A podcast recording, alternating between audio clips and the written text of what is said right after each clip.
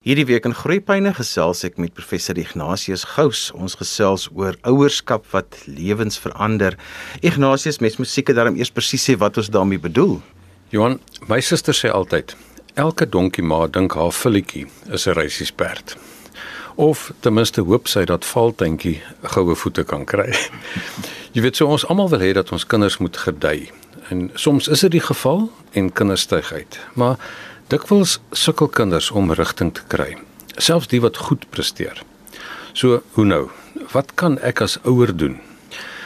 Nou die afgelope tyd het ek baie werkwinkels gehou by skole oor hoe om die vaardighede te ontwikkel om vir hulle te help om die lewe te bemeester. Jy weet hoe om beter te doen in skool, maar bietjie meer as dit. Nou 'n sentrale deel daarvan is 'n uh, oefening wat gaan oor 'n lewe wat my opgewonde maak. En daar vra ek vir hulle Waar wil julle wees as julle dubbel julle ouderdom is, so of so oud soos julle ouers is? Met ander woorde so 35, 40. Nou die vraag is, hoekom is dit belangrik?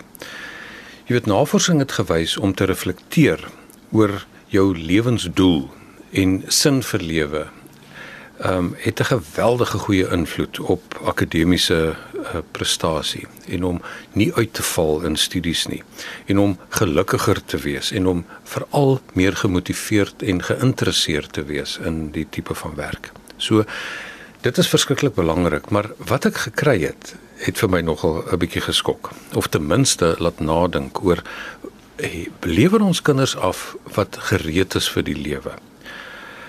En ek voel so half en half as ek lees wat hulle geskryf het, is dat die kinders is nie gereed vir die lewe nie. Weet selfs die van hulle wat toppresteerders is, ehm um, is soms nie heeltemal daarvoor reg nie.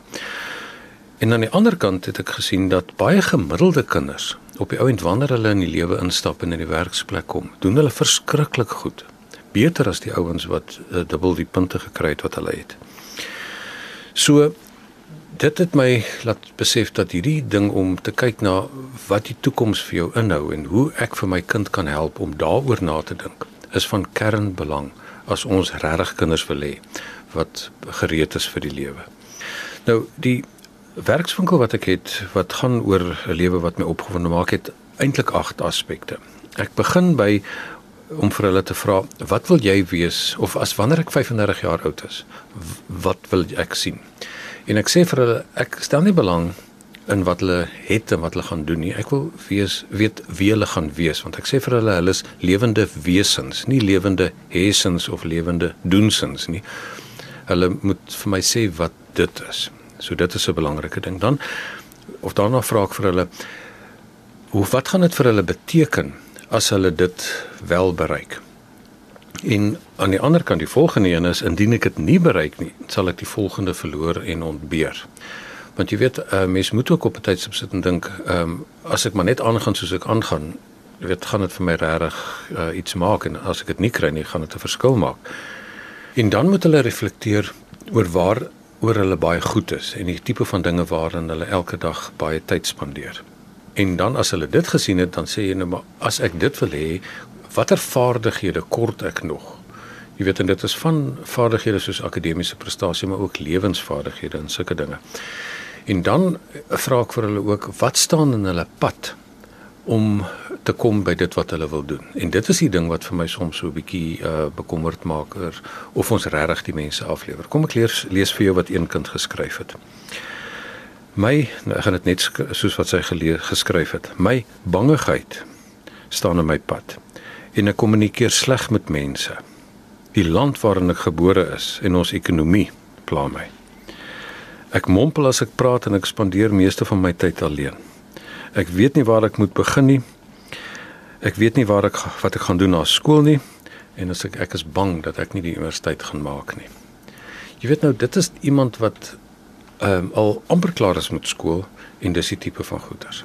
En daar's daar 'n hele klomp ander dinge soos wat hulle sê dat geld en middele en kwotas en keuring en die tipe van dinge wat COVID gebring het en die dinge wat sê maar ek uh, sukkel met my emosies. Ek weet nie hoe om dit te verwoord nie. Ek weet nie hoe om dit te hanteer nie en ek weet nie hoe om die vaardighede soos tydsbestuur, jy weet doodgewone goeders wat elkeen van ons elke dag moet gebruik. Dit het ons kinders nie. Ignatius het nou so 'n klompie lekker dinge genoem as 'n ouer nou 'n dieper gesprek met hulle kind wil hê. Ek dink baie ouers het nou gedink, "Oeg, ek het nou 'n pen nodig." So gee gou net vinnig weer daai klomp ag dinge wat jy gesê het want dit is sulke lekker dinge om 'n gesprek met jou kind aan die gang te sit. Ja. Dit is eerstens hulle moet kyk wat waar hulle wil wees as hulle sê maar dubbel hulle ouderdom is of as hulle so waar die ouers self is of daai ouderdom. En wat dit vir hulle gaan beteken indien hulle dit nie gaan bereik nie, wat gaan dit vir hulle kos? Ehm um, hulle moet reflekteer oor waar hulle reeds goed is. Hulle moet reflekteer oor dinge wat hulle nog nie goed is nie, maar wat hulle wel nodig het om daar te kom. Dan moet hulle gaan kyk oor wat in my pad staan, wat op die oomblik wat hulle voel. Hulle moet verwoord hoe lyk die draak waarteen hulle gaan veg. En dan die belangrike ding volgende is mens moet probleemoplossend ook dink. Jy moet sê wat as daar struikelblokke is, hoe kan ek hierdie struikelblokke in boublokke uh of stepping stones verander of trappe. En dan daarna moet hulle kom by spesifieke aksiestappe wat hulle kan sê wat moet ek nou binne die volgende paar maande doen? Wat moet ek binne die volgende jaar doen? Wat moet ek volgende jaar doen en wat moet ek oor 5 jaar doen? En dit moet hulle gaan uitstippel. So hulle het hulle wolkie waarin hulle op pad is, hulle het hulle posisie waar hulle nou is, hulle moet reflekteer oor hulle self en dan moet hulle aksiestappe doen. En as 'n mens dit begin doen, dan begin ons kinders reflekteer oor hulle lewe. Dit is so, want jy weet as jy op die ou end dan vir hulle aan die reflekteer kry, maar nou moet jy sit en dink wat kan ek as 'n ouer doen? En weer eens my gevoel is daar's drie tipe van dinge wat 'n mens kan doen. Die eerste ding is jy moet weet wat in jou kind se kop en hart en lewe aangaan. Ehm um, en baie ouers doen dit ehm um, te min baie ouers doen dit te veel dat hulle helikopterouers is wat eenvoudig elke ding doen. Jy moet basies net weet wat gaan in jou kind se lewe aan en veral verstaan oor hoekom dit so is. Die tweede ding wat 'n ouer moet en kan doen is mens moet dan kan sien maar goed as hier dinge is wat 'n bietjie pla en uh, wat ek nie weet hoe om self te hanteer nie dan moet 'n mens hulp kry daarvoor 'n professionele hulp uh, van verskillende soorte aarde aarde. Maar die derde ding wat 'n mens veral moet doen en dit is wat ek graag uh, wat 'n mens daaroor by stil staan is, 'n mens moet verantwoordelikheid neem oor wat jy self kan doen. En dan moet jy uh, dit op die ou end gaan doen. Nou ek stel voor dat ons daaroor dink soos 'n driepoot pot, weet dat 'n mens daardie metafoor gebruik want jy weet as jy 'n driepoot pot so van die kant af kyk dan sien jy die drie pote en dit lyk soos 'n M. En ehm um, as hierdie drie woorde wat met 'n M begin, as dit daar is, dan beteken dit jy ondersteun en jy skep 'n omgewing waar binne uh die kind kan ontwikkel en waar jy hulle kan bemagtig en waar jy hulle kan ondersteun. Nou as een van daai drie pote van die M ontbreek, dan word dit 'n N, jy weet, en dan is dit dis 'n nee, want dan val die pot om en die hele tipe van ding is nie meer daar nie.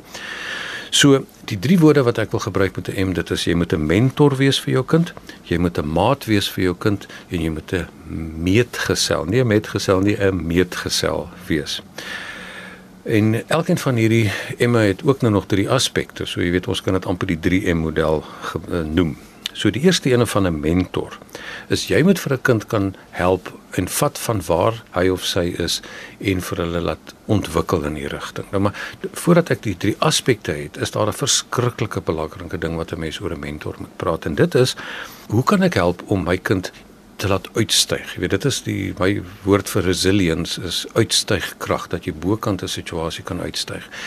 Nou een van die probleme in ons land is daar is baie uitdagings en daar's baie dinge waaroor 'n mens heeltyd kan praat. En dit dit is wat ek agterkom wat mense doen en dit kom ook uit in die wat die kinders skryf is dat hulle verskriklik negatief is. Omdat mense heeltyd sê o, oh, maar die regering doen dat of hulle doen nie dit nie. En hierdie mense doen dit, het dit aan my gedoen en daai ouens doen dat aan my. En dit is heeltyd hierdie kla kla kla ehm um, en beskuldig beskuldig beskuldig. En op die ou end kom mens nie by ehm um, tipe van oplossings nie. En dit is hoekom hierdie kind ook gesê die land in die situasie en mense is raak verskriklik fatalisties daaroor want weet daar is nie vir my 'n kans hier, is nie 'n toekoms nie, hier is nie geleenthede. Dis net 'n gemors. As 'n mens oor na hierdie dinge kyk, moet 'n mens op 'n manier so daarna kyk dat jy kan sê net maar goed, al is dit so, wat bly oor vir my te midde van hierdie situasie en dan beteken dit ek raak 'n mentor. Want dan kan ek sê maar goed, my eie kundigheid en my ervaring is die volgende En dit kan ek aanbied vir my kind wanneer ons daaroor gesels in terme van werk, in terme van verhoudings, in terme van kinderontwikkeling. So die vraag is wat jy vir jouself moet vra, wat weet jy regtig hiervan? Lees 'n mens hieroor. Waarheen is jy op pad in jou eie lewe? Of is jy ook besig om water te trap of te wonder en heeltemal sulke dinge te doen? So, as jy mentor is met jou eie ervaring en kundigheid het, die tweede ding is jy moet vir jou kind ervaringsgeleenthede skep waar hulle regtig goeders kan inoefen, waar hulle kan sukseservarings beleef. Dinge wat 'n mens vir in hulle ontwikkeling by die skool uh, as sportmense, as kultuurmense, as net medemense waar hulle kan voel hulle kan dit doen en presteer.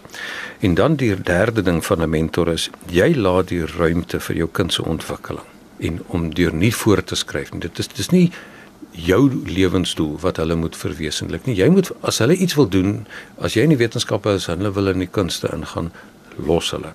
Jy moet jou mentor beteken jy moet hulle vat van waar hulle is en jy moet hulle kry van tot waar hulle uh wil wees. En dit is wat 'n mens die ondersteuning doen. Dit is hoe mense hierdie leeromgewing of ontwikkelingsomgewing skep as 'n mentor. Dit is die B nommer 1.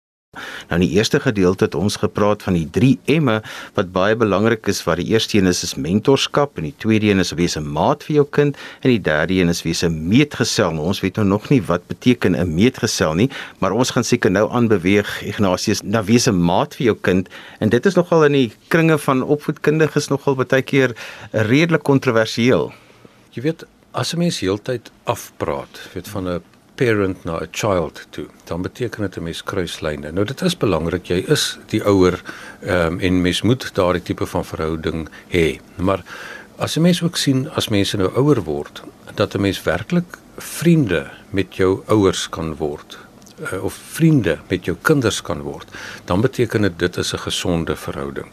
En ehm um, Maar om 'n maat te wees beteken dit 'n mens moet soms in jou verhouding, al is hulle klein, gelykes wees. Dit is hoekom ehm um, jy weet daar's 'n groep in Amerika of in eintlik in Kanada, the Heinen Group, jy weet en hulle logo is dat jy afsak as jy met 'n kind praat en nie van bo af onder toe praat nie, maar ooghoog te praat. Nou dit is 'n fisiese tipe van ding wat 'n mens doen, maar dit is ook 'n emosionele ding. Jy moet jou kind met ander woorde as maat op dieselfde vlak ontmoet.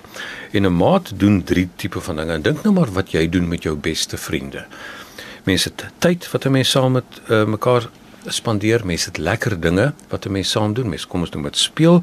Die derde ding wat as 'n maat, mens moet mekaar onvoorwaardelik kan aanvaar. So, as 'n mens dink, dink 'n bietjie aan die tyd wat jy met jou kinders spandeer. Wat gebeur binne in daardie tyd? Ehm um, jy weet daar's op 'n tydstip iemand wat 'n liedjie geskryf het oor the mom song waar 'n ma gegaan het en sy het gaan kyk na wat sy in 'n 24 of 'n 48 uur tydperk vir haar kinders gesê het en sy het dit neergeskryf. Dit is verskriklik snaaks wat hoe hulle dit kan doen. En dink 'n bietjie oor hoe jy praat en hoe jy tyd spandeer. Met ander woorde, as jy tyd spandeer, is dit heeltyd om uh te te mother of te father, jy weet of met ander woorde te dissiplineer of om goeders te doen. Wat wat se kwaliteit tyd spandeer 'n mens saam? En in daai tyd is daar tyd vir ontspanning, vir speel, vir pret. Want jy weet speel is wel lekker, is pret, maar dit is ook iets van reëls en grense, want elke spel het dit. So in daai manier kan 'n mens sê, nou maar goed, kom ons doen dit soos kom ons doen dit so. En dan die derde ding is wat onvoorwaardelike aanvaarding is waar 'n mens kan sê as 'n maat beteken dit ek stap saam met jou ehm um, en jy is soos wat jy is is jy oukei okay. en dit is vir my reg so. Dan is 'n mens die maat wat jy stap en dit is die tweede baie belangrike been waarop hierdie pot staan. Ignatius en dan wag ons nou die hele tyd dat jy vir ons moet verduidelik wat is 'n meetgesel want ons ken net die woord metgesel. Dit is maar 'n woord om te sê jy is 'n coach. Uh en ongelukkig staan nou nie Afrikaanse woord wat met 'n M begin nie. En dit is hoekom 'n metgesel word 'n meetgesel want 'n wat doen 'n coach? 'n Coach is iemand wat vir jou in 'n kompeterende wêreld help om by te hou. En nie net by te hou nie, om voor te kom. So 'n meetgesel help dus vir jou om op standaard te kom en om by te bly en miskien selfs om heeltemal voor te kom. 'n Meetgesel is dus jou pas aangeur wat jy moet dus op 'n tydstip vir jou kind sê maar weet jy wat? Ons moet insit. Dit kom nie sommer net van self nie. Sukses kos iets. Dit jy moet 'n prys daarvoor betaal al is dit in terme van insette van om iets te doen en om werklik aan die gang te kom. Die tweede ding is ek meet dus die kind se vordering. Maar dit is waar 'n mens werklike suksesse moet sien en waar mens werklike suksesse moet beloon. Dit help nie om vir hulle te sê jy's reg en dit is goed, maar eintlik as weet jy dit is nie reg genoeg nie. So, maar as jy kan dit doen, as jy 'n maat is en as jy 'n mentor is. En dan die derde ding is ons vier suksesse. Jy weet die hele ding van gamification in onderrig sê is ek doen iets en ek kry badges soos wat ons almal nou op rekenaarterme ken. So ons moet dus met ander woorde suksesse nie beloon met 'n vakansie of 'n fiets of geld of sulke tipe goederes nie. Ons moet dit vier en sê maar dit was op die ou end lekker. So wanneer 'n mens op die ou end hierdie dinge bymekaar sit en jy werk na 'n lewe wat jouself opgewonde maak, jou eie lewe, maar jy help om jou kind te doen deur 'n mentor en maat en 'n meetgesel te wees dan beteken dit as jy doel en betekenis in die lewe het, dan kry mens lus om te lewe. En hierdie negativiteit en die slegte selfbeeld en die dinge wat 'n mens sien nie kan sien nie, dit is op die ou end besig om stadig aan weg te gaan. En dan die, baie interessante navorsing wat ek vanoggend van gelees het is dat daar in jou brein is daar 'n area dat as 'n mens 'n betekenis het in die lewe, dan betekenis beteken dit 'n mens onthou beter en jy sit goeders beter bymekaar. So hierdie tipe van dinge gaan maak dat jy beter voorberei is vir 'n baie kompeterende lewe daar buite. Nou Ignatius, jy het nou aan die begin daai klomp vrae vir ons gegee. Verduidelik bietjie vir ons die verband tussen daardie vrae en dan om al hierdie te kan toepas want die eerste klomp vrae is eintlik 'n baie goeie manier om agter te kom hoe jou kind dink en hoe jou kind redeneer en wat vir hulle belangrik is om hierdie wat jy nou voorgestel het te kan toepas. Die hele ding gaan daaroor is dat as 'n mens uh iets oor die toekoms dink. Ehm um, gewoonlik as 'n mens dit net laat gebeur, dan gebeur die wêreld met jou iemand het op 'n tyd gesê ek dink life is happening to you while you were making other plans.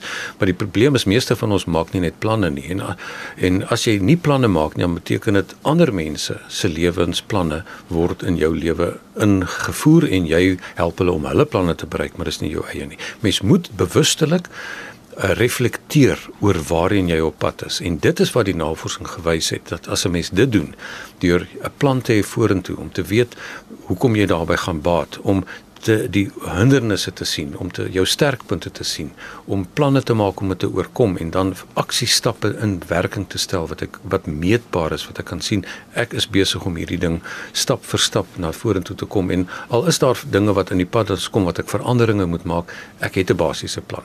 Dit het 'n geweldige invloed in terme van op kinders se lus om te leer, hulle siening van die lewe, hulle selfbeeld en op die ou end het jy 'n mens wat gereed is vir die lewe, maak nie saak wat na jou kant toe kom nie.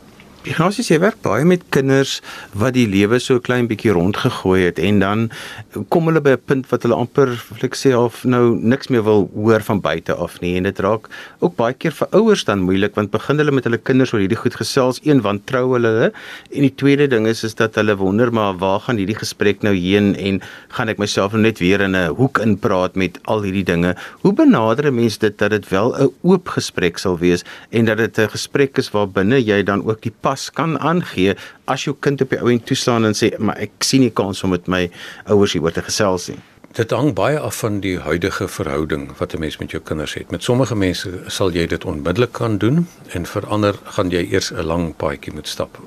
En dit is hoekom dit verskriklik belangrik is. Jy kan nie hierdie ding met jou kind uitpraat as jy dit nie in jou eie kop en jou eie lewe uitgesorteer het nie. As jy dryf of as jy ongebalanseerd werk of as jy ehm uh, nie goed is om hierdie tipe van dinge met saam met ander mense te stap nie, dan beteken dit dit gaan nie maklik wees nie. En dit is hoekom ek gesê die tweede punt is, ehm um, jy as ouer moet besef wat is jou beperkings in jouself en in jou verhouding met jou kind en dan moet jy mense van buite af kry want wat ek ook gesien het is as iemand buite van buite af kom en fasiliteer dan beteken dit dit uh, help om hierdie gesprek aan die gang te kry. Ignatius, as mense met jou verder wil gesels of net wil gedagtes uitruil, hoe kan hulle met jou kontak maak?